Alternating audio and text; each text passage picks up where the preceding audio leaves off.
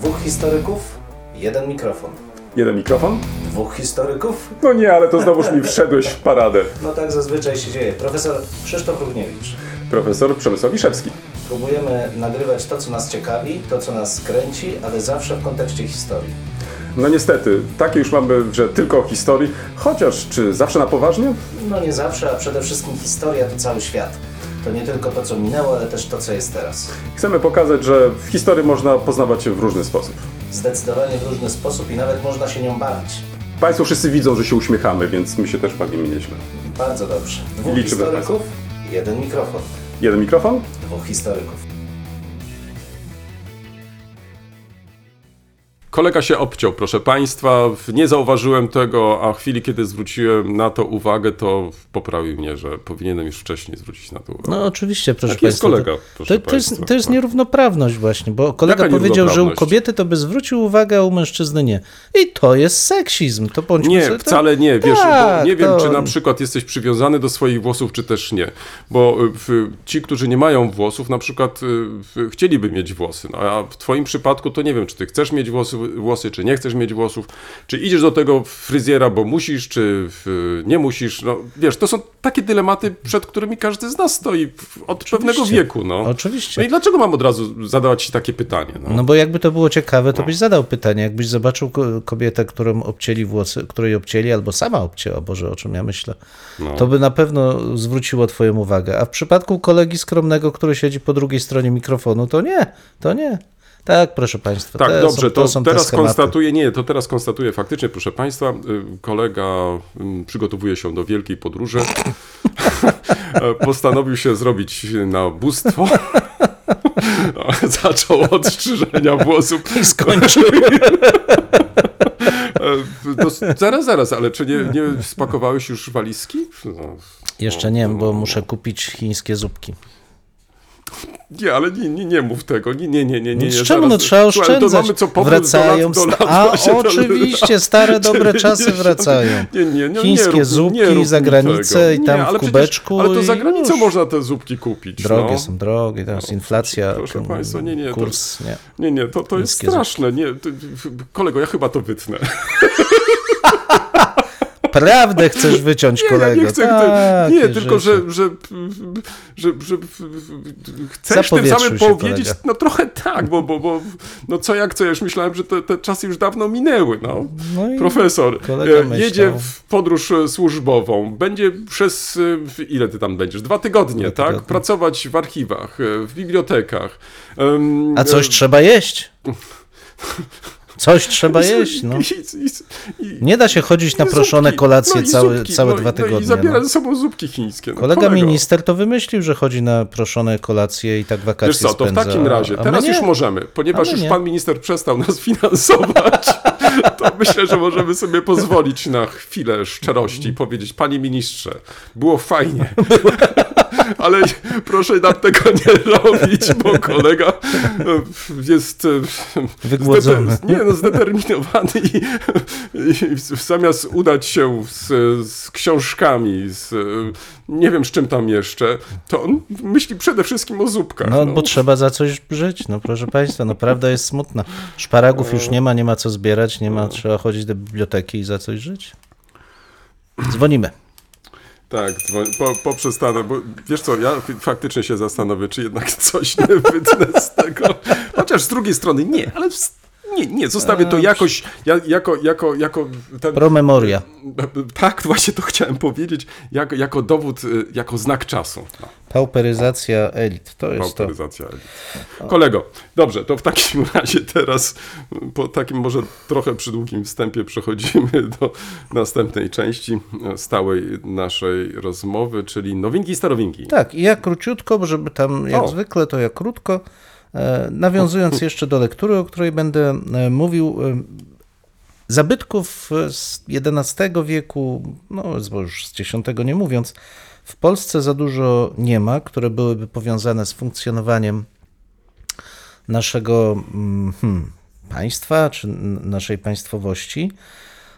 A, już zupełnym wyjątkiem może być taki czara, taki, mówię taki czara, taki fragment kielicha mszalnego, właśnie ta górna część czara, e, pochodząca, no, tak jest czar. datowana na pierwszą połowę X wieku ze scenami z historii e, Gedeona biblijnego. Ona nie jest wielka, e, kilkanaście centymetrów, ale bardzo interesująca ze względu na wysoką jakość wykonania. Srebro, bardzo w, no, zwracająca uwagę nie tylko treścią, ale i faktem, że pochodząc z pierwszej połowy X wieku u nas jest. Ale nie o tym chciałem mówić, a o tym, w jaki sposób w ogóle została znaleziona. No bo większość naczyń liturgicznych, tych wczesnośredniowiecznych, po prostu była w skarbcach poszczególnych katedr, klasztorów, stamtąd wędrowała potem do muzeów, albo nie, do dzisiaj jest. Mamy piękne zbiory w muzeach e, archidiecezjalnych i diecezjalnych. Ale ta akurat dość niespodziewane, niespodziewanie 3 maja 1909 roku, no 3 maja, no znacząca data, została, moi drodzy, wyorana. No właśnie o tym tak, wiesz, przez chwilę pomyślałem, że w, co jak co, ale być może któryś z rolników Mhm. w trakcie prac polowych I tak, tak naprawdę, tak, i tak naprawdę nie wiadomo do dzisiaj, skąd ona się tam 3 maja pracowała. wzięła. Pod Włocławkiem Włocławkiem. została wyorana i oczywiście są różne teorie, kto mógł ją sprowadzić, Mhm. kiedy, jakiego klasztoru, jaki władca, ale Bogiem a prawdą, ponieważ nie wiemy w jakim kontekście archeologicznym ona się e, pojawiła, no bo nie te czasy, żeby wołać ekipę archeologów, którzy oznaczą miejsce, sprawdzą i tak dalej. Do dzisiaj pewnie i do jutra nie będziemy wiedzieć, dlaczego ta czara zawędrowała do Polski, czy już w średniowieczu, czy może nieco później. Ale to tylko tą czarę znaleziono? Tak, tylko czarę. to, znaczy wiesz, może i tam rolnik wyorał coś więcej, ale przekazał tylko tą czarę. To też nie jest y, jakby Czyli wypadek ten odosobniony. Tylko ten, to coś, no bo nóżki już nie oddał, więc może nóżkę sobie zostawił, ale czarę oddał. E, W, dwaj panowie, Michał Marciniak i Jan Sapiński, mieli oddać ją w, do klasztoru ojców reformatów w, rejc, w ręce ojca Benedykta Wierciocha, który z kolei przekazał ją kustoszowi Muzeum Polskiego Towarzystwa Krajoznawczego we Włocławsku, a ten z kolei oddał ją po konserwacji w pracowni braci Łopieńskich w Warszawie i e, w, powędrowała w 1910 do Muzeum Narodowego w Krakowie. Więc drogi takie dość e, zawiłe. Potem jeszcze była kwestia zwrotu do Włocławka, ale chciałem tylko to tak rzucić weter, żeby powiedzieć, że jeśli ktoś z tym nieszczęsnym detektorem chodząc po lasach znajdzie coś ciekawego, Czyli to tym razem już nie na miły Bóg, tak? Na miły. Bóg, tak, na miły Bóg, niekoniecznie wykopujcie to wszystko, ale może zawołajcie archeologów, albo przynajmniej robiąc takie dziwne rzeczy, zróbcie dobrą dokumentację, bo potem my jako historycy po prostu nie wiemy, czego dotyczy, skąd pochodzi, jakie znaczenie ma takie znalezisko. Nawet najpiękniejsze i najwcześniejsze, bez kontekstu, ma niewielki, e, niewielkie znaczenie dla historii. Ale tak się, wiesz, zastanawiam, czy, czy tak się nie dzieje, bo już w przeszłości widziałem mm, kolejne programy, gdzie faktycznie mm, ci tacy, bym powiedział, zawodowi poszukiwacze, to jednak zwracają na to uwagę. Czyli w chwili, kiedy trafiają na taki czy inny, nazwijmy to w cudzysłowie, skarb, no to w, są na tyle świadomi, że w, faktycznie zapraszają specjalistów, ażeby rzucili okiem. E, Nie wiem, co się dalej z tym dzieje. Nigdy się nie, nie interesowałem tym. To musieliby się wypowiedzieć tutaj e, zarówno poszukiwacze skarbów, jak, jak i, i odpowiednie służby. To jest wszystko przecież regulowane, ale masz całkowitą rację, że, że wyrwanie z kontekstu historycznego, nie, historyczno-kulturowego, bo to chyba tak, o to tak, chodzi. tak, tak. No, po, po, po, po dziesiątkach lat niewiele nam będzie mówić. Tak, zresztą wiesz, nie, to, to nie jest tak istotne, jeśli ktoś chodzi po polu bitwy I Mm. wojny światowej i szuka bagnetu czy, czy fragmentu jakiegoś Bo ten uzbrojenia. kontekst ale... jest. prawda? Tak, no to, to jest dość oczywiste, ale jeśli ktoś e, pójdzie na wczesnośredniowieczne grodzisko i rozko- albo rozkopie kurhan Mhm. e, grzebalny, żeby znaleźć coś, co detektor mu wskazuje jako metal, to mniejsza już o to, że wydobędzie z kurhanu, nie, no bo będziemy mogli Mhm. datować po cechach stylistycznych takie coś. ale zniszczy cały ten kontekst, to znaczy zniszczy kurhan, zniszczy to coś, co było, kulturowy. tak, co było, co jest nie do odtworzenia w przypadku tego typu zabytków, bo to są często jednorazowe wystąpienia, więc tym bardziej e, no, myślę, że dobrym byłoby, żeby jednak detektoryści, jeśli poważnie traktują swoją pracę, ściśle współpracowali z archeologami. Pięknego określenia. Nie poszukiwacze skarbów, tylko detektoryści. Tak, tak, no on z detektorem chodzi. Tak. Moja ciekawostka to właściwie może chyba żadna ciekawostka, a raczej... To przejdźmy dalej. Nie, ale nie, poczekaj, poczekaj, poczekaj, zaraz, zaraz, zaraz, zaraz. Nie, chciałem w ogóle tutaj wyrazić ogromną wdzięczność, ponieważ kolega zanim... Cię ostrzygł? Nie, to nie to, że zanim rozpocząłeś e, mówić, e, już się zastanawiałem, czy zadasz mi pytanie, czy wiem, em, jaki jest najstarszy zabytek e, ruchomy w Polsce. No, odetchnąłem pełną piersią, bo pewnie bym nic nie powiedział na ten temat. Coś bym pewnie zmyślił, ale, ale to pewnie niewiele by znaczyło. No więc ja, ja tym razem em, nie chcę też wprowadzić cię w taką dziwną sytuację, że zadam ci pytanie, a mm, Dziękuję bardzo. tak, E, ale, ale kto wie, ale wiesz, spróbuję, zadam. ale spróbuję, spróbuję, ale zadam właśnie. Bo z pewnością... Nie chcę, ale muszę. No tak, ale z pewnością e, miałeś do czynienia z takim określeniem prasa gadzinowa, Mhm. prawda? To, to myślę, że to... to- Ja t- tylko tutaj, czy się zastanawiałeś, w, skąd się wzięło to pojęcie praca gadzinowa? Szczerze mówiąc, nie. No, no to widzisz, e, ponieważ wczoraj wysłuchałem bardzo ciekawą audycję, do, zresztą do, do niej e, nawiążę, to właśnie tam między innymi starano się w, krótko w, przedstawić źródło słów tego określenia, prasa gadzinowa. Nie wiem, czy zrobiono to w sposób wystarczający, stąd też pomyślałem sobie, a sprawdzę i sam, e, bo, bo do końca też nie byłem e, pewien. E, Dlatego też pozwól, że w, w, króciutko na ten temat. Pozwalam. Otóż, jeśli chodzi o w, ogóle to określenie prasa gadzinowa, wzięło się z I wojny światowej. Mianowicie podczas I wojny światowej na mm, ziemiach polskich wychodziła gazeta Godzina Polski, tak się nazywała, i była wydawana w Warszawie i Łodzi przez e, władze okupacyjne niemieckie.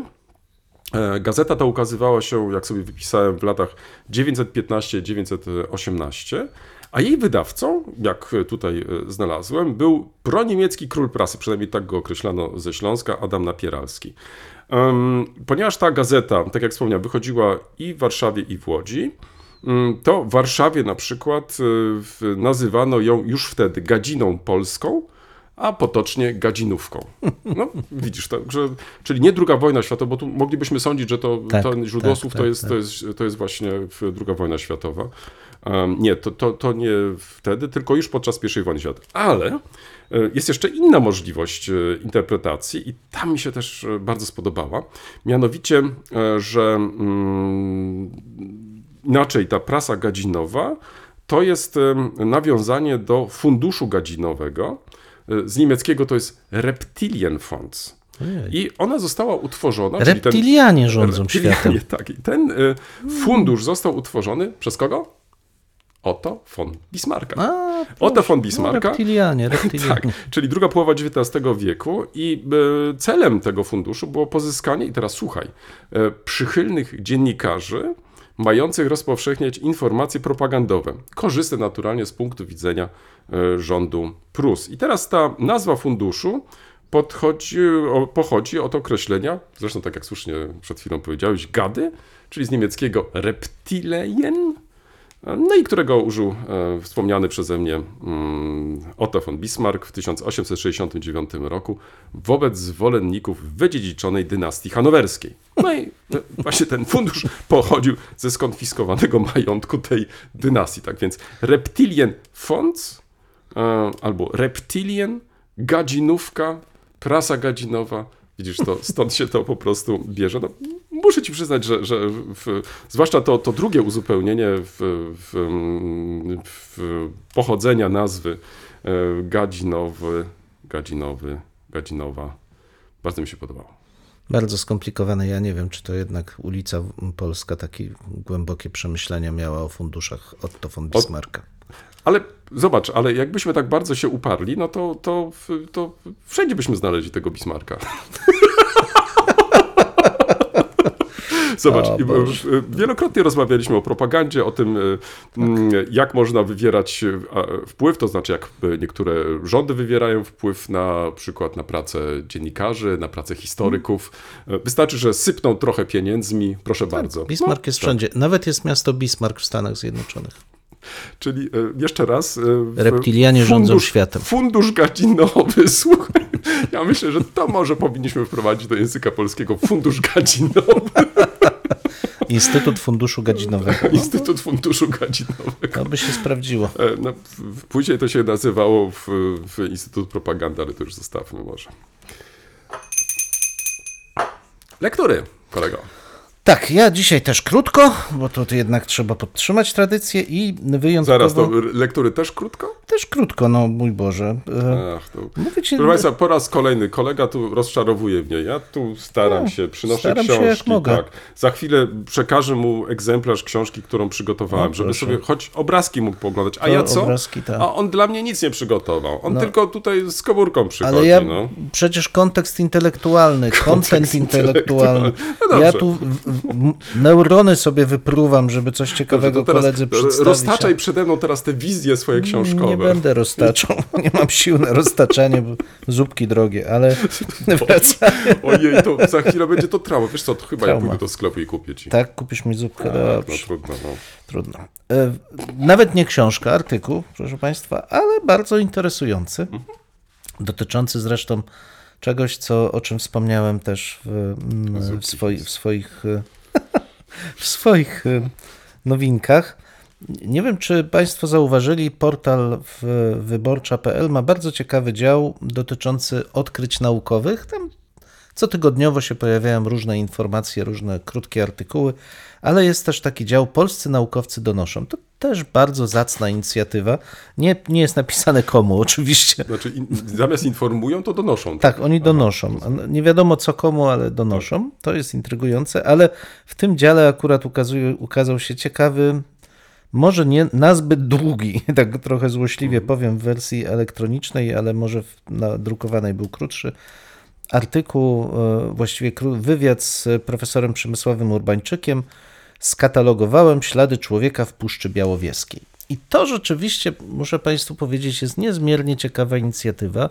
Nie dlatego, że ktoś skatalogował wszystkie stanowiska, czy większość stanowisk archeologicznych, bo to taka inicjatywa y, już dawno, dawno, jeszcze w czasach y, dawno minionych, czyli PRL-u pod nazwą archeologicznego zdjęcia Polski była realizowana z różną dokładnością, ale w tym przypadku mamy do czynienia z bardzo ciekawym obszarem. Puszcza Białowieska, właściwie już od XVI wieku, była terenem łowieckim królów polskich. W związku z tym niemal nie było tam osadnictwa, poza tak zwanym osadnictwem puszczańskim, czyli tych osób, które trudniły się wyrobem potażu, wypałem e, drewa, drewna, ale w ograniczonym zakresie, pozyskiwaniem e, skarbów lasu czy to produktów leśnych.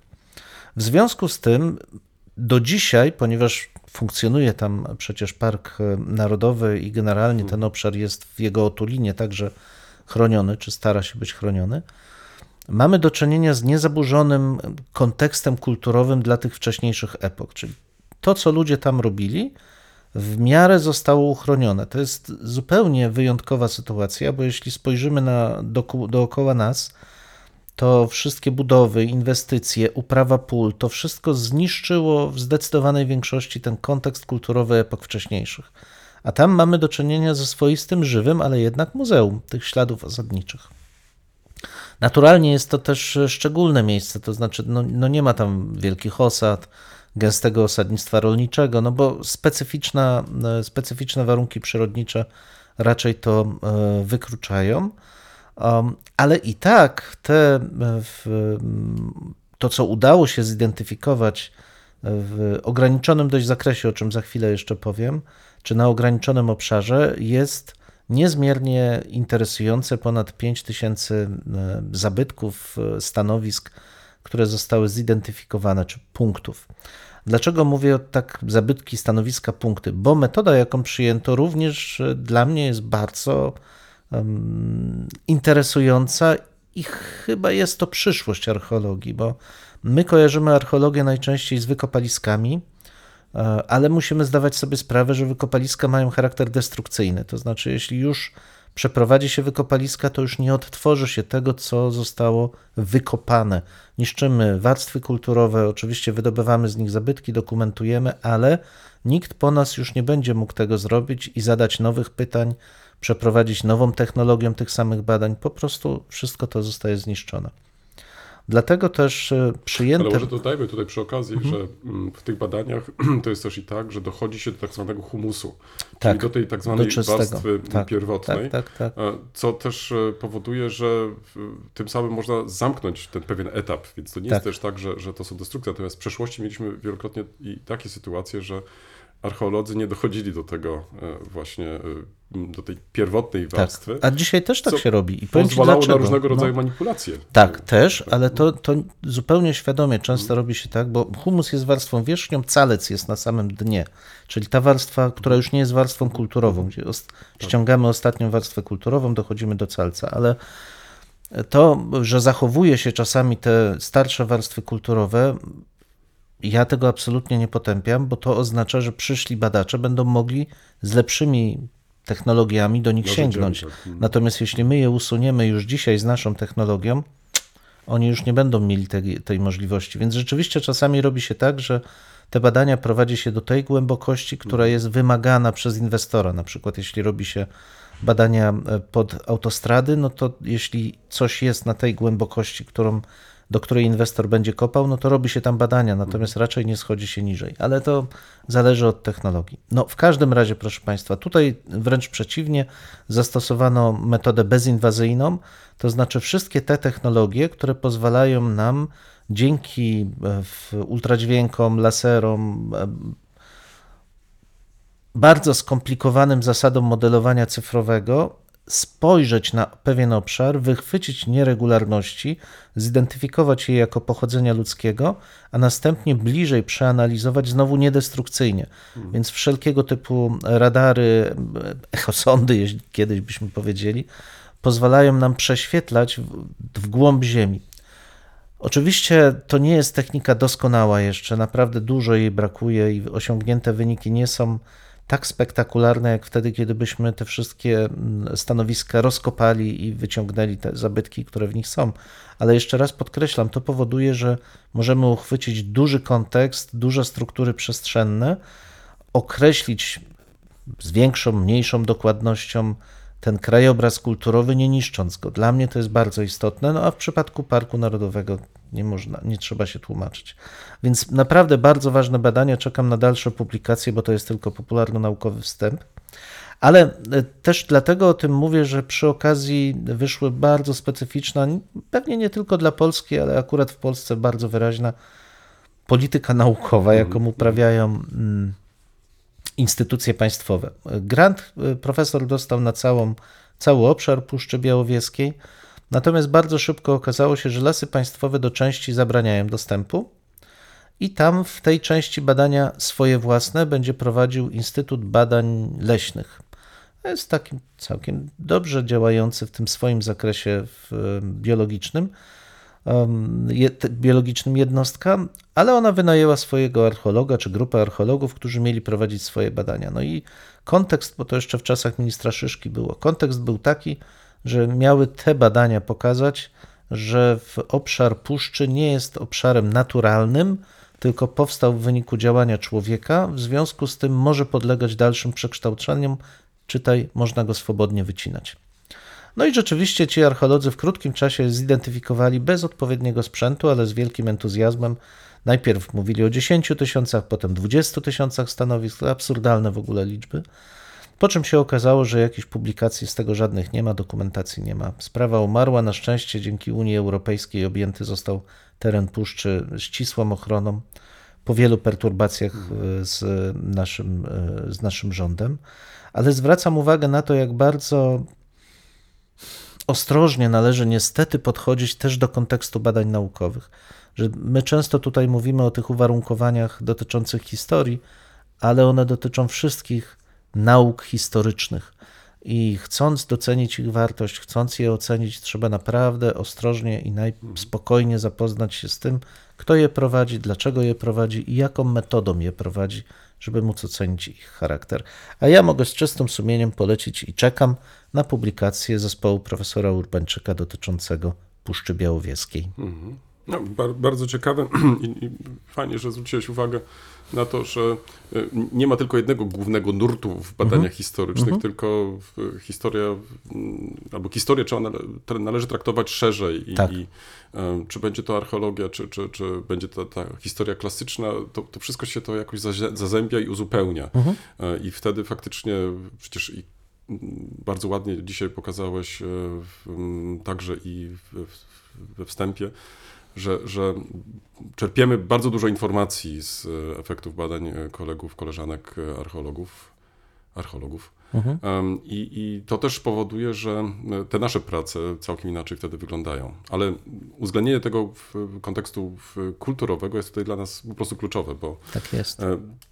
To, to, to można sobie wyobrazić w ten sposób, że stajemy przed, przed jakąś witryną e, i, i nie znając tego powiemy, no ładna czara, ale i na to się kończy, no bo Tak. co więcej możemy powiedzieć? No, Tak. Chyba, że faktycznie e, jeszcze jesteśmy w stanie odczytać e, takie czy inne elementy symboliczne, które pojawiły się na tej e, na tym naczyniu, powiem tak, na tej czarze, czarze? W naczyniu liturgicznym. na tym naczyniu liturgicznym i, i w ten sposób być może zdekodować te, te informacje, które tam zostały umieszczone. Em, no ale to na tym poprzestaniemy i nic więcej nie będziemy mogli faktycznie zrobić. Tak więc mm, bar, bardzo, bardzo ciekawe. Um, w, fajnie, że, że przytoczyłeś e, także i, i taki, taki przykład.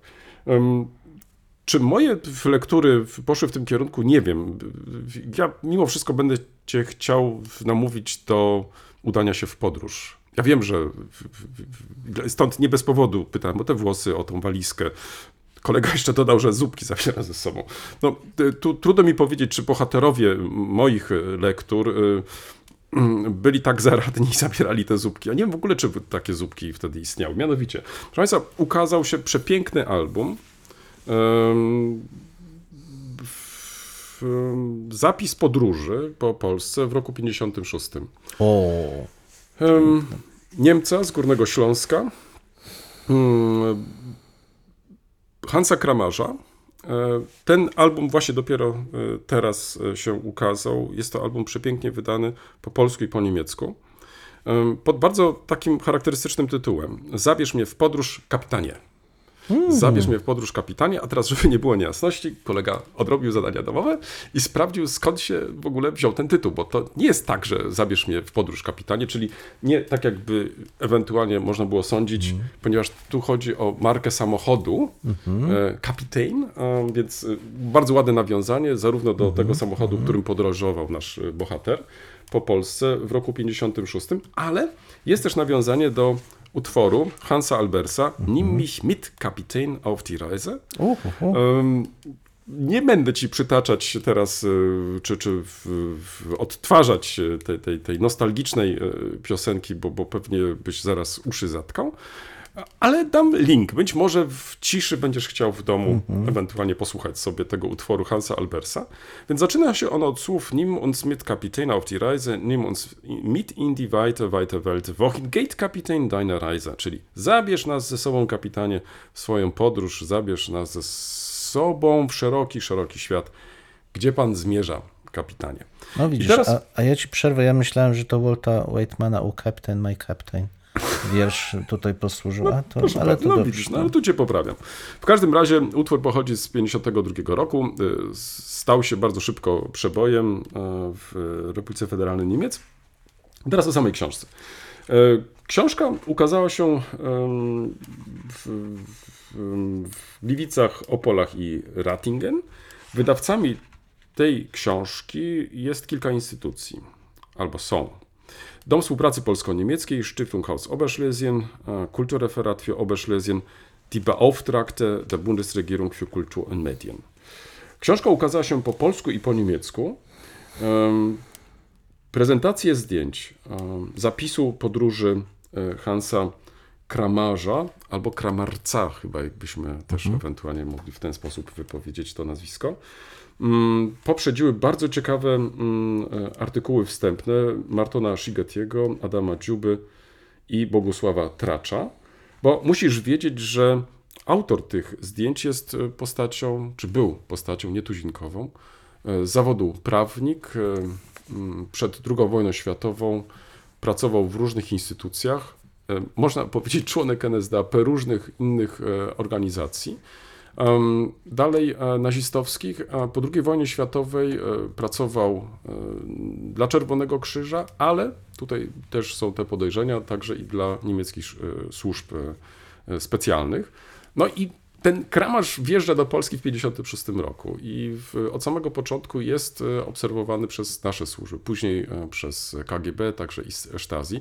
Zachowało się sporo materiałów na jego temat, choć postać nie jest e, jakoś znana, spopularyzowana, choć tutaj autorzy przekonują tych poszczególnych tekstów, że warto byłoby się jej bliżej przyjrzeć, bo faktycznie mm, w- bohater przez wiele dziesiątków lat y, pracował w różnych instytucjach niemieckich, w referatach zajmujących się sprawami polskimi. Ja muszę ci powiedzieć, że w trakcie moich studiów nie trafiłem na nazwisko Kramarza. Ale to dzięki temu ta książka dla mnie stała się jeszcze bardziej e, ciekawa. Natomiast to, na co zwrócono tutaj przede wszystkim uwagę, to na prezentację zdjęć, które wykonał Kramarz w czasie swojej podróży. Rozpoczął od Wrocławia, wyobraź sobie, od Wrocławia, skończył na Krakowie, przyjechał przez cały Górny Śląsk. I teraz co różni y, te zdjęcia od tych, które znamy? Wielokrotnie jest y, też tak, czy było też tak, że w zdjęciach, jeśli publikowano w latach y, 50., 60., to cenzura zwracała przede wszystkim uwagę w Polsce, żeby nie publikować zdjęć ze zniszczeniami. To znaczy Polska się odbudowywała. Polska mm, miała wykazać, czy wykazywała, że sobie poradziła ze wszystkimi zniszczeniami, że teraz jest nowa Polska. Natomiast e, te zdjęcia Kramarza mają trochę inny charakter. One są bardzo zróżnicowane. To znaczy widzimy zarówno te mm, e, części miast, które nie są zniszczone, ale widzimy też ogromne zniszczenia. E, I w, dzięki temu faktycznie ten obraz staje się dla nas bardziej zróżnicowany. To znaczy, w chwili, kiedy bierzesz do em, ręki książkę em, i, i wertujesz, em, o, koledze przekażę, żeby sobie mógł powertować, to przekonasz się, że nie jest to też taki mm, e, obraz y, mm, jednostronny, to znaczy autora nie interesowały tylko zniszczenia, żeby wykazać na przykład później politycznie, że Polska sobie nie radzi z odbudową i tak dalej, i tak dalej. Nie, wręcz przeciwnie, mnie się wydaje, że przejeżdżając y, przez y, mm, różne regiony Polski, to co przede wszystkim Kramarza interesowało, to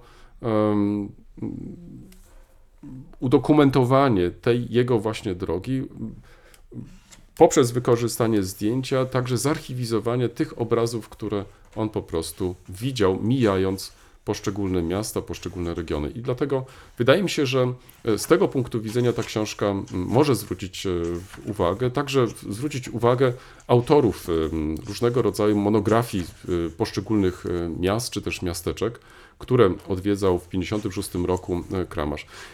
Tylko jeden z przykładów, mianowicie nie wiem, czy wspominałem Ci kilka e, tygodni temu, e, z żoną z Małgosią szukaliśmy informacji na temat e, grobu mm, niemieckiego pisarza, poety Eichendorfa w Nysie.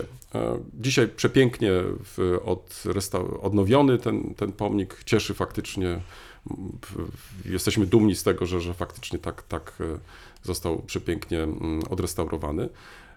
Zastanawialiśmy się, jak to się stało w ogóle, że ten pomnik e, na cmentarzu jerozolimskim w Nysie zachował się. E, I co zrobiliśmy? Oczywiście zaczęliśmy szukać po różnego rodzaju biografiach dostępnych e, Eichendorfa. Autorzy, co ciekawe, nie zwracali specjalnie na to uwagi, to znaczy kończyli najczęściej na śmierci Eichendorfa, na próbie jakiejś takiej oceny w, w dzieła Eichendorfa, natomiast nie zwracali w ogóle na takie prozaiczne rzeczy, nazwijmy to w cudzysłowie prozaiczne, jak na przykład pogrzeb, jak e, pomnik, kto wykonał ten pomnik i tak dalej, i tak dalej, czy też ewentualnie nie zadawali sobie też pytania, jak to się stało, że ten pomnik w ogóle do dzisiaj się zachował.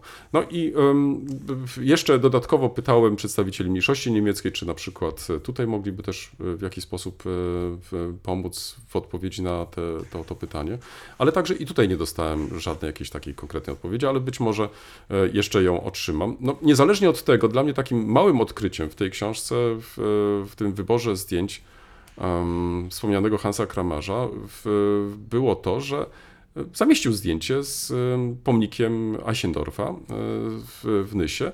Pomnik, który jest szary, który jest nieodnowiony, ale to nie oznacza, że jest zniszczony, że może trudno powiedzieć, że ktoś dba o ten pomnik, ale ten pomnik po prostu jest. Tak więc em, na ten materiał z 56 roku można spojrzeć jeszcze z innej strony, to znaczy e, jako materiał historyczny, jako materiał do porównań, do zestawień, e, pokazujący różne etapy odbudowy miast ze zniszczeń, lub też inaczej, e, tego w jaki sposób my się obchodziliśmy z tymi miastami po roku 45. Co może warto podkreślić, mamy do czynienia tutaj zarówno ze zdjęciami czarno-białymi, jak i kolorowymi, co dodatkowo jeszcze podkreśla mm, wagę i znaczenie tego właśnie albumu. Także gorąco zachęcam y, do sięgnięcia po ten album. Y, Ci z Państwa, którzy będą chcieli coś więcej się dowiedzieć na temat samego autora, to z pewnością będą zadowoleni, bo materiał tu przedstawiony jest bardzo obszerny, ale ci z Państwa, którzy z kolei będą y, zainteresowani tylko samymi zdjęciami, będą chcieli w, w zestawić, porównać y, w, wspomnienia z odwiedzanych miast, miast i e, porównywać czy zestawiać z miastami, które odwiedzał e, nasz bohater, to myślę, że to będzie bardzo ciekawy także materiał do, mm, do przemyśleń. Także e, gorąco polecam jeszcze raz mm, tytuł Zabierz mnie w podróż, e, e, kapitanie. Książka ukazała się w tym roku. Zachęcam do sięgnięcia po tą pracę. No i druga może rzecz, na którą chciałbym zwrócić już teraz uwagę, a pretekstem e, do mm, wymienienia tej książki była audycja, którą wczoraj wysłuchałem z dużym zainteresowaniem. Ja nie wiem, czy spotkałeś się z taką audycją e, prowadzoną od e, dłuższego czasu przez panią redaktor Agatę Rokicką ze Szczecina, e, z Radia e, Szczecin, e, pod tytułem Machina Czasu.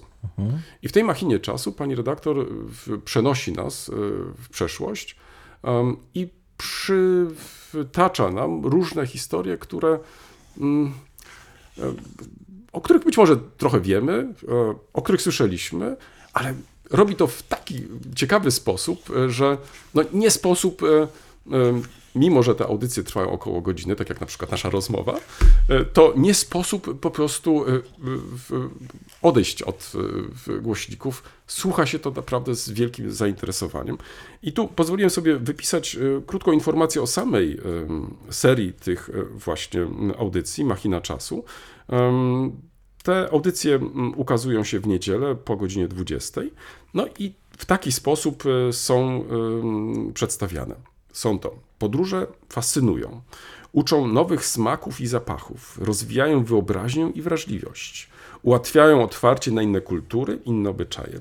Pozwalają też oderwać się od naszej, nie zawsze kolorowej codzienności. Kłopot w tym, że o ile przestrzeń można pokonać w tę i z powrotem, o tyle w czasie przemieszczamy się tylko w jednym kierunku ku przeszłości. Zwróć uwagę, no, bardzo fajny opis. E, Zachęcam, żebyście Państwo sięgnęli e, zarówno do tego mm, odcinka, o którym za chwilę, ale także i wcześniejszych. Myślę, że nie będą Państwo zawiedzeni. Otóż y, ostatni odcinek, czy też przedostatni, w zależności od tego, kiedy wyemitujemy nasz e, mm, odcinek, jest poświęcony nowej biografii Alfreda Szklarskiego. Jak się okazuje, jest to pierwsza w ogóle biografia e, poświęcona temu e, pisarzowi. Mm, Już nie chcę tu kolegi wypytywać, e, kto był polskim Indianem Johnson. Tomek na tropach. Proszę bardzo, czyli zwróćcie Państwo uwagę, jest to ten kod kulturowy, nawet cofając się w przeszłość, bez większych problemów będziemy mogli. Czy ty też zakochiwałeś, zakochałeś się w pięknej sali? No nie, to muszę powiedzieć, że ja takiej wyobraźni to nie miałem, ale okej. No, to straszne. Nie, to widać, proszę Państwa, tylko tą różnicę wieku między mną a kolegą. To znaczy, moje pokolenie to nie tylko w, podążało tropami e, Tomka Wilmowskiego, ale też podkochiwało się w pięknej sali. No. To, to rozpasanie było To nie było żadne No, rozpasanie. Libertarianizm. Nie, to taki, żadne o, rozpasanie, wręcz odwrotnie, to wyobraź sobie, tu, tu, tu, tu, właśnie chodziło o to, że, że, że ten autor, jak żaden inny, wszyscy dokupi, dokupi, do kupy wzięci, e, e, na przykład Fidler, czy też Kapuściński, możesz o nich zapomnieć. Szklarski kolego i przygody Tomka. Osiem części. E, Nie wiem, czy ty też tak nie miałeś, ale słuchaj, w chwili, kiedy odkryłem Szklarskiego, to jednym tchem czytałem te książki. I wcale nie było łatwo je dostać. Tak, to E, prawda. Nie wiem, czy sobie przypominasz, e, w zależności od tego, które to było wydanie, wydawnictwo chyba śląskie, jeśli się nie mylę, e, w Katowicach e, wydawało te tomy. Milionowe nakłady. Można byłoby się zastanowić, czy, czy faktycznie w twardej inny, okładce też tak, były. jeszcze jakiś inny, słuchaj, e, inny Hardcovery. autor e, piszący dla, dla młodzieży. O, pan samochodzik, nienacki. a tu masz rację, to, to faktycznie to by trzeba było wtedy zostawić, chociaż y, to szło no, trochę w- tym samym kierunku, to znaczy historia tutaj w tym przypadku odgrywała znaczącą rolę. Ale wracam może do, do tej audycji, ponieważ pani redaktor przeprowadziła rozmowę z y, autorem tej pierwszej biografii, mianowicie ym, z Jarosławem Molendą. Ta mm, biografia ukazała się pod tytułem Alfred Szklarski, Sprzedawca Marzeń. Bardzo O, fajny tytuł. Sprzedawca Marzeń. I teraz słuchaj, zgadnij, gdzie się ta książka ukazała.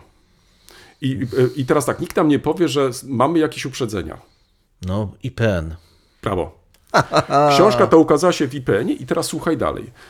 Dlaczego zwracam uwagę na tą rozmowę? Ponieważ ta rozmowa dotyczy generalnie w biografii Szklarskiego, ale też takich momentów, które ja sam na przykład do końca nie znałem. Na przykład em, to, że jakieś miał związki z Stanami Zjednoczonymi, to tak, ale na przykład y, to, do czego przekonuje autor, że Szklarski nie urodził się w Stanach Zjednoczonych. On przybył z rodziną, w, czy rodzice przybyli do Stanów Zjednoczonych, e, kiedy był jeszcze w, w niemowlęciem, czy też, czy też e, małym dzieckiem.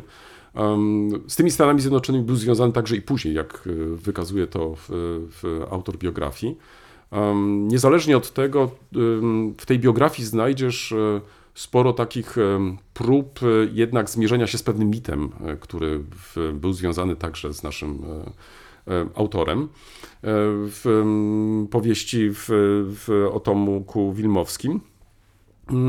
Inny ciekawy dla mnie fragment e, tej rozmowy dotyczył w- pracy w, w, podczas II wojny światowej dla różnych gazet e, i stąd też to, to określenie gadzinowych, e, bo później po II wojnie światowej e, Szklarski został skazany na 8 lat więzienia właśnie za współpracę z, e, z, z, reżimem Kolaboracji. kolaboracji.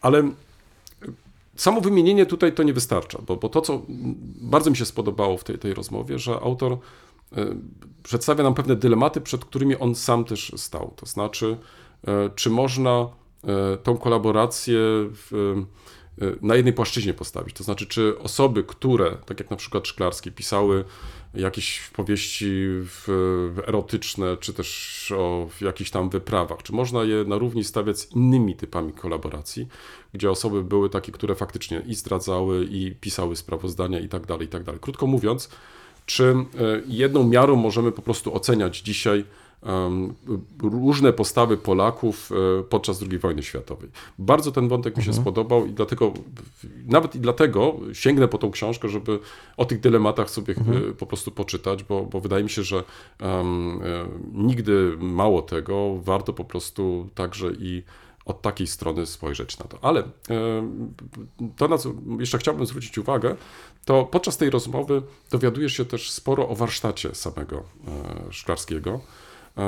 I tutaj przekonuje nas e, biograf Szklarskiego, że mimo, że, i teraz ciekawe, tych miejsc nie odwiedził, o których pisze Szklarski, Także to nie tylko w, możemy tutaj wskazać, że wykrował przed Indianą Jonesem polskiego Indiana Jonesa, ale też był takim polskim Karolem Majem. No tak chciałem Prawda? powiedzieć No więc właśnie. właśnie, więc był takim polskim Karolem Majem, czyli em, e, faktycznie nie będąc w tych miejscach, potrafił przed nami wyczarować te właśnie różnego rodzaju obrazy, które nas przekonywały, które powodowały, że z wypiekami na twarzy czytaliśmy kolejne tomy przygód e, Tomka Wilmowskiego. I teraz zwróć uwagę. bardzo mi się podobało to, na co y, biograf y,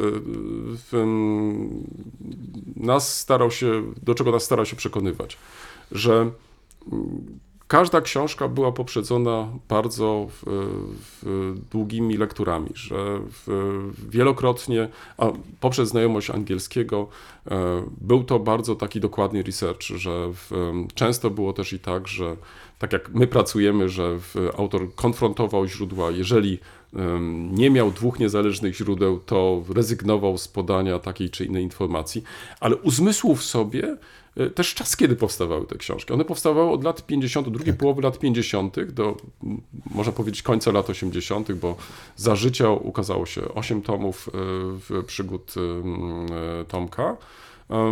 Jeden tom się ukazał po śmierci, e, śmierci pisarza.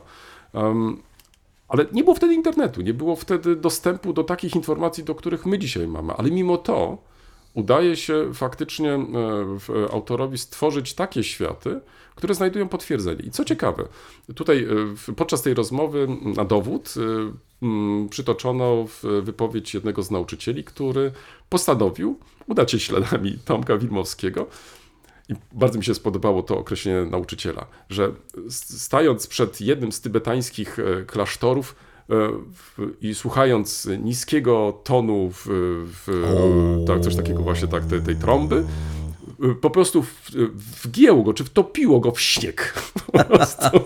No, był zachwycony, że jak to jest możliwe, że nie będąc, nie mm, będąc świadkiem też, pisarz był w stanie oddać tak w sposób e, dokładny e, nie tylko miejsce, nie tylko e, atmosferę, ale także i w niektórych przypadkach i smak. Tak więc e, po wysłuchaniu tej rozmowy nie tylko nabrałem ochoty, żeby sięgnąć po tą książkę, także po naszym spotkaniu idę do księgarni i powiem, nie jestem tam częstym gościem, ale tym razem pójdę i kupię egzemplarz książki. Ale to wszystko po kapitalnej rozmowie pani redaktor Agaty Rokickiej e, z mm, autorem biografii Alfreda Szklarskiego, mm, Jarosława Molendy. Przypomnę, Jarosław Molenda jest autorem biografii pod tytułem mm, Alfred Szklarski, sprzedawca marzeń, wydawcą Instytut Pamięci Narodowej. Bardzo, tyle z mojej strony. Bardzo mi się to spodobało, zwłaszcza nauczyciel na tropach Yeti. Ja też bym chętnie się wybrał. No, ty się udasz w, w, w inne tropy. No, no, Udam no. się, udam, ale, na, ale nie. I to- zostaniesz wzmocniony zupkami, Zupkami chińskimi. chińskimi, tak, tak. Także będziesz, będziesz miał tutaj, no, tak, tak. no, widzisz, no. Zobacz, ale te, w, tej, podczas tej naszej rozmowy wszystko nam się to jakoś łączy, prawda? Tak, masz takiego wszystko nam wrażenia? się łączy, tak, wszystko nam się z jedzeniem kojarzy. Ja koledze muszę faktycznie kupić chyba te zupki chińskie, Boże, bo nie da mi spokoju. Ale dzisiaj nie o zupkach mamy rozmawiać. Proszę Państwa, zafrapowała nas kwestia edukacji historycznej. Hmm. Także dlatego, że w trakcie tych różnych lektur spotykamy nie tylko informacje, ale też podejścia metodyczne związane z upowszechnianiem historii, które mamy wrażenie nie przenikają do szkół. I z jednej strony mamy świetne e, podcasty nauczycieli historii, podcasterix przecież, który, z którym często tutaj dyskutujemy, przytaczamy, cytujemy. Ale wiesz co, my sobie możemy tak sobie dyskutować, ale to jest y, droga w jedną stronę, bo ja bym chętnie Mhm. na przykład y, posłuchał, w, czy panowie z podcasterisu słuchają nas, wiesz. Jeżeli słuchają, to czy na przykład chcą polemizować z tym, co mówimy, czy też nie, No, przykład. a, ale nie tego dotyczy nasz główny Nie, tok nie, rozważań. nie, nie. Tylko kolega na zasadzie zupki chińskiej to tutaj podał w tej chwili. Natomiast faktycznie, proszę Państwa, to dla mnie to jest ważne pytanie, czy, czy współczesnych nastolatków, dzieci też można zaciekawić historią? A to pytanie we, we mnie rodzi także wynika z tego, że obserwuję swoje własne dzieci, które historią zazwyczaj są zainteresowane w sposób, no taki w sposób nikły bym powiedział, No, mówiąc oględnie. Powiedz, powiedz oględnie. No, mówiąc tak. oględnie, mają inne dla nich ciekawsze rzeczy, ale zaskoczył mnie mój najmłodszy syn, który w, od jakiegoś czasu wnikliwie zaczyna wypytywać mnie o II wojnę światową. I ja w głowę zachodząc, ale skąd u dziewięcioletniego dziecka, inteligentnego oczywiście, ale mimo wszystko dziewięcioletniego, takie pytania dotyczące różnych dziwnych y, zjawisk z zakresu tej wojny. No ale okazało się, że ten dziewięciolatek, czego ja, o czym ja oczywiście jako dobry rodzic nie wiedziałem, gra w grę komputerową z zakresu II wojny światowej. I nagle okazało się to dla niego frapującym, dlaczego jakieś państwa zachowują się tak, a nie inaczej, jaki mają potencjał, ponieważ te realia II wojny zostały tam uwzględnione. No i z jednej strony oczywiście smutek ogarnia ojca, że tak mało wie o, o skali przemocy, w której nurza się jego dziewięcioletnie dziecko, ale z drugiej strony to pokazuje ten obszar edukacyjny, o którym często gdzieś tam mówi się na konferencjach metodycznych, że grywalizacja, że, że entertainment, że, że je, trzeba to uwzględniać, że edutainment trzeba tworzyć, choć właściwie zauważyłem, że to hasło jeszcze jakieś 6-8 lat temu funkcjonowało, teraz już w ogóle zostało wycięte, a ja mam wrażenie, że w praktyce nauczania historii niestety, ale zatrzymaliśmy się gdzieś na latach 80. ubiegłego wieku. I nie wiem, z czego to wynika.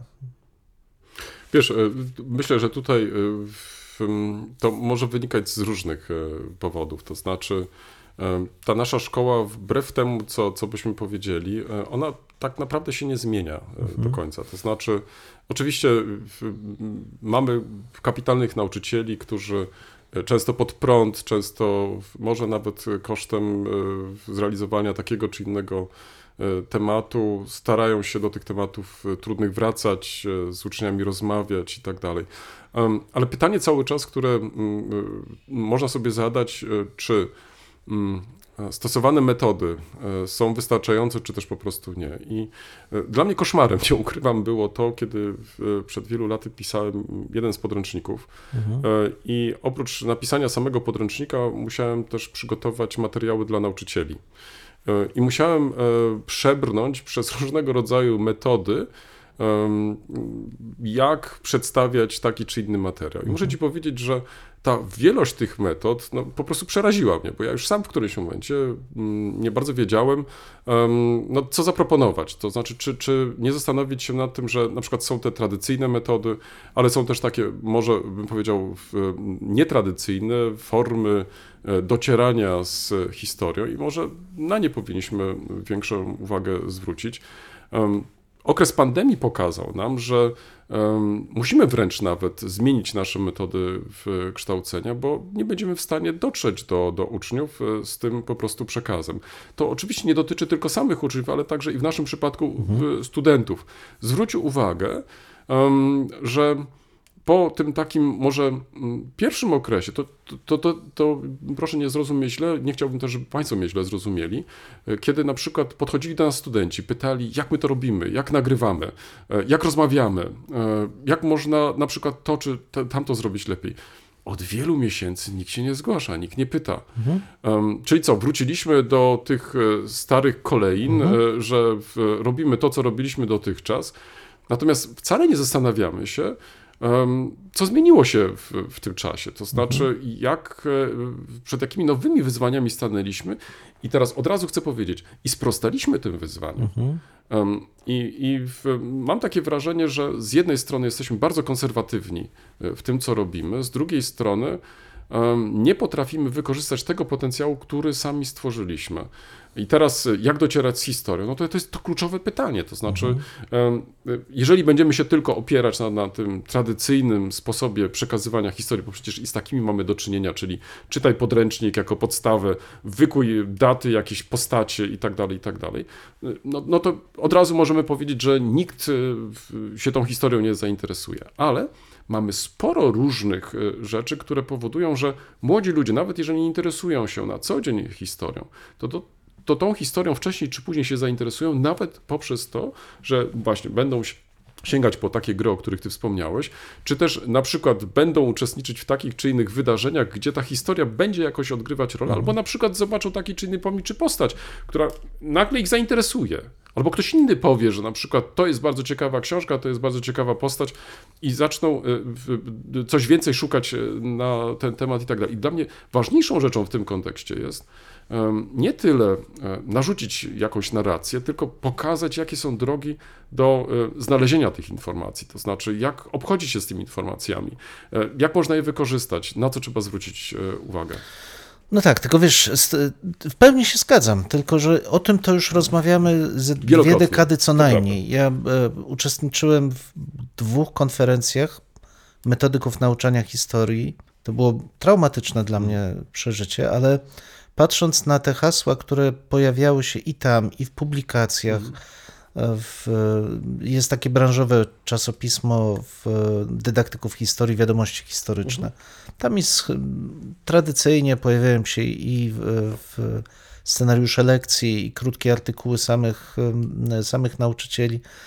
To wiesz, ja nie, nie widzę tego przenikania jakiegoś odmiennego niż to, które znam w, jako dziecko z lat właśnie 80., sposobu nauczania historii. I, I to mnie niepokoi, bo z jednej strony ja rozumiem, że mamy do czynienia z jakby z, z rozejściem się oczekiwań, bo rolą nauczyciela jest jednak wprowadzić w pewne podstawy.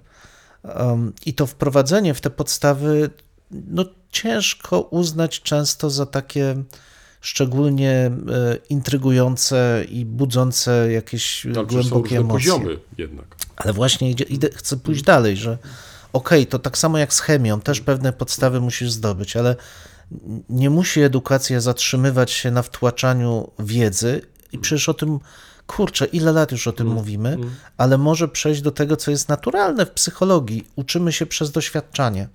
Nie przez doświadczenie, tylko doświadczanie ciągłe. Znaczy, że jeżeli z czymś się konfrontujemy, my sami tworzymy, my sami działamy, nawet rękami, to też jest ważne u dzieci żeby był ruch, żeby było fizyczny wręcz kontakt, to rzeczywiście wtedy mamy do czynienia z budowaniem z takich struktur wiedzy, które są dużo głębsze niż te najbardziej powierzchowne, wynikające z tego zakucia na pamięć.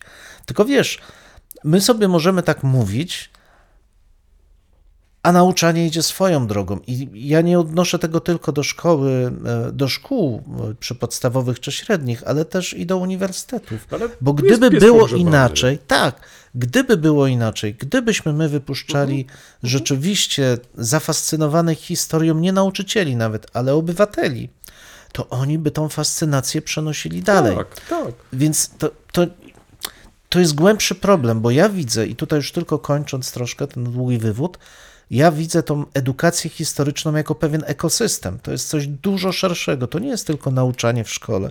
To jest to, z czym ludzie się, zwłaszcza młodzi, stykają w zakresie historii, przeszłości, w trakcie ich codziennego życia. Jakie informacje, ale i aktywności. To nie może być tylko pokazywanie informacji, dawanie informacji. Ta metoda jest efektywna, ale najmniej efektywna. Oni muszą kreować, uczestniczyć, zanurzyć się w tym. Tego mi brakuje, że nie budujemy ekosystemu wiedzy historycznej. No dobrze, tylko że y, Przemku, tylko ja mam ogromny z tym tutaj, y, to znaczy ogromny dylemat, przed którym stoję. To znaczy z jednej strony em, wydaje mi się, że em, jestem w stanie wskrzesić entuzjazm młodych ludzi, em, zachęcić ich do zrobienia tego czy tamtego.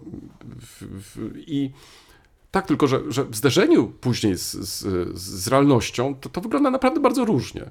To znaczy, przed, y, jeżeli masz jeszcze małą grupę studentów, jeżeli e, ci studenci faktycznie w- chodzą na te zajęcia, bo, bo chcą, bo, bo, bo, bo, chcą poznawać, chcą studiować i tak dalej, nie odbębnić, e, nie właściwie machnąć ręką, jakoś to przejdzie i tak dalej, tylko faktycznie coś zrobić, no to jesteśmy do dyspozycji. To, to, co do tego chyba nie ma wątpliwości. Ale jeżeli masz e, duże grupy, e, jeżeli masz tak bardzo zróżnicowaną tą grupę studentów, gdzie na przykład nie możesz każdemu z nich poświęcić zbyt dużo czasu, no bo to fizycznie nie jest możliwe.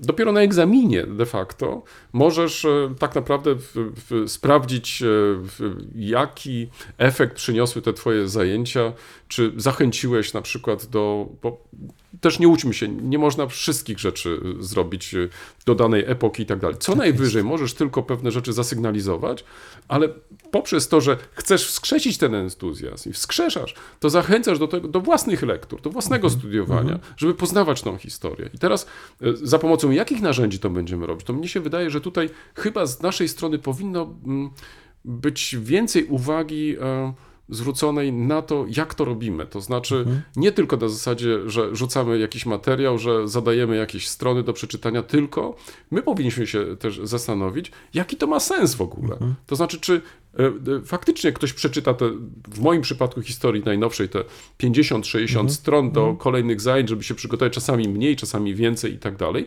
E, Później, kiedy dochodzi do samych zajęć, na przykład słucham wypowiedzi studentów, to ja się zastanawiam, Boże, dlaczego oni się nie zastanowili, co powiedzieć? Dlaczego nie skonstruowali swojej tej wypowiedzi? I wtedy na przykład naturalnie twoim zadaniem jest pokierować w takim e, kierunku te, te, te, te, te prace, a żeby oni już wiedzieli, że następnym razem, kiedy będą się przygotowywać do takich zajęć, to nie tylko będzie jakaś tam praca w grupach, to nie tylko będzie dyskusja między e, koleżankami i kolegami, ale też w chwili, kiedy będziemy już to prezentować, to będzie jakaś struktura. I tak dalej, i tak dalej. Więc mi się wydaje, że i tu się całkowicie z Tobą zgadzam. To jest ogromne wyzwanie dla nas samych, bo to nie jest tak, że my konstatujemy, że na przykład nauczyciele prowadzą tak, a nie inaczej zajęcia, że e, uczniowie w, tą historią się kompletnie nie interesują, bo są zażynani, że tak powiem, jakimiś bzdurnymi datami, jakimiś postaciami, Bóg wie czym tam jeszcze. E, Tylko to jest pytanie też do nas, to znaczy, czy my jesteśmy w stanie przekazać e, studentom, przyszłym nauczycielom pewne w, pomysły, jak mogą w różnicowany sposób e, przekazywać e, e, wiedzę, e, wspierać kompetencje uczniów, a przede wszystkim, to mnie się wydaje rzeczą tutaj kluczową i ważną, e, poprzez ich własną pracę e, i realizację może małych e, projektów, zachęcać ich do tego, żeby poznawali tą historię niepodręcznikową, żeby poznawali tą historię, która na przykład ich może zainteresować, bo to równie dobrze może być historia na przykład zwierząt. Zwróć uwagę, czy znalazłeś w którymś z podręczników, e, mogę się mylić, proszę o poprawienie, żeby na przykład była informacja o historii zwierząt. Jak funkcjonują? No przecież cały czas jesteśmy e, związani ze zwierzętami. My też wielokrotnie podczas naszych rozmów zwracamy uwagę nie tylko na historie ludzkie, ale także i zwierzęce. Dalej, ochrona środowiska na przykład, e, w jaki sposób to pokazywać, w jaki sposób na to zwracać uwagę. I to przecież jest kapitalna możliwość e, do współpracy z innymi e, koleżankami, kolegami e, reprezentującymi przedmioty, ażeby właśnie w sposób, tak jak ty powiedziałeś, ten całościowy, taki holistyczny, zająć się takim czy innym zagadnieniem, które jest ważne z punktu widzenia właśnie w, dzisiaj w, otaczającego nas świata i tak dalej, tak dalej. No właśnie, i moim zdaniem tutaj dot- dotknąłeś niezwykle istotnego zagadnienia związanego już nie ze studentami czy z y, y, uczniami, ale z, w ogóle z podejściem społeczeństwa do przeszłości. Bo zwróć uwagę, że w przeszłości się, wbrew temu, co często się deklaruje, nie szanuje.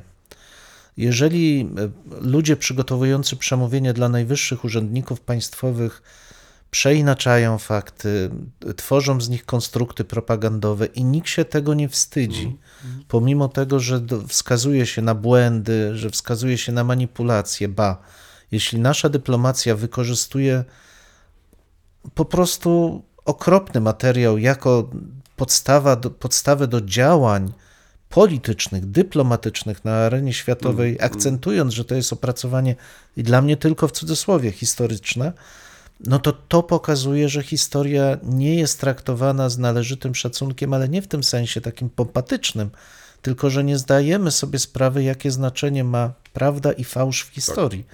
To jest kluczowe, bo wiesz, tworzenie tego edutainmentu to jest jedna rzecz, żeby zaciekawić, żeby sprawić, że historia była rozrywką. Okej, ale drugą rzeczą jest pokazać, że historia jest wokół nas cały czas, że my wyrastamy z historii, jesteśmy wręcz jej Ale to częścią. piękno historii pokazać. Ale wszystko się zgadza, tylko znowu dotykamy tego. Najpierw trzeba bardzo wnikliwie zastanowić się, co my właściwie z tą historią robimy i jak my ją postrzegamy. to jest ogromna praca właśnie nad uświadomieniem sobie tego ekosystemu wiedzy historycznej, czy przeżywania historii, otaczania nas przez historię. Ja bardzo bym chciał, żebyśmy taką re- refleksję nad nauką generalnie odbyli, bo mam wrażenie, że nasze społeczeństwo nie jest przygotowane w ogóle do przyjęcia nauki jako czegoś istotnego w ich życiu.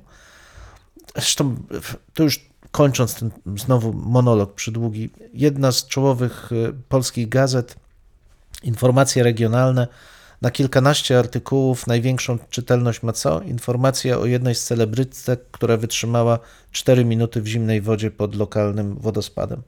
O nauce w tym czasie absolutnie nic. I to pokazuje też, przed jakim problemem my stoimy. To znaczy, że wyparta została nauka w ogóle z tej świadomości e, naszego otoczenia, i my tak naprawdę powinniśmy działać, żeby ją przywrócić jako coś, co ma decyzyjne, decydujące znaczenie dla funkcjonowania społeczeństwa jako racjonalnego, demokratycznego bytu. W tym miejscu stawiamy kropkę lub też jak to woli, kropkę nad i. No, mamy nadzieję, że to nie jest koniec, że to jest początek Waszych dyskusji. Mam nadzieję, że Was zaciekawiliśmy. Prosimy o komentowanie naszych zmagań z historią. Poniżej zdjęcia jest wystarczająco dużo miejsca. I pamiętajcie, nie regulujcie odbiorników. No, my naprawdę tak brzmimy. E, tak, chociaż być może czasami e, może trzeba ściszyć. No może czasami ten nasz rechot by się przydało wyciąć nawet. Dwóch historyków, Jeden mikrofon, jeden mikrofon. dwóch historyków. Dziękujemy. Dziękuję.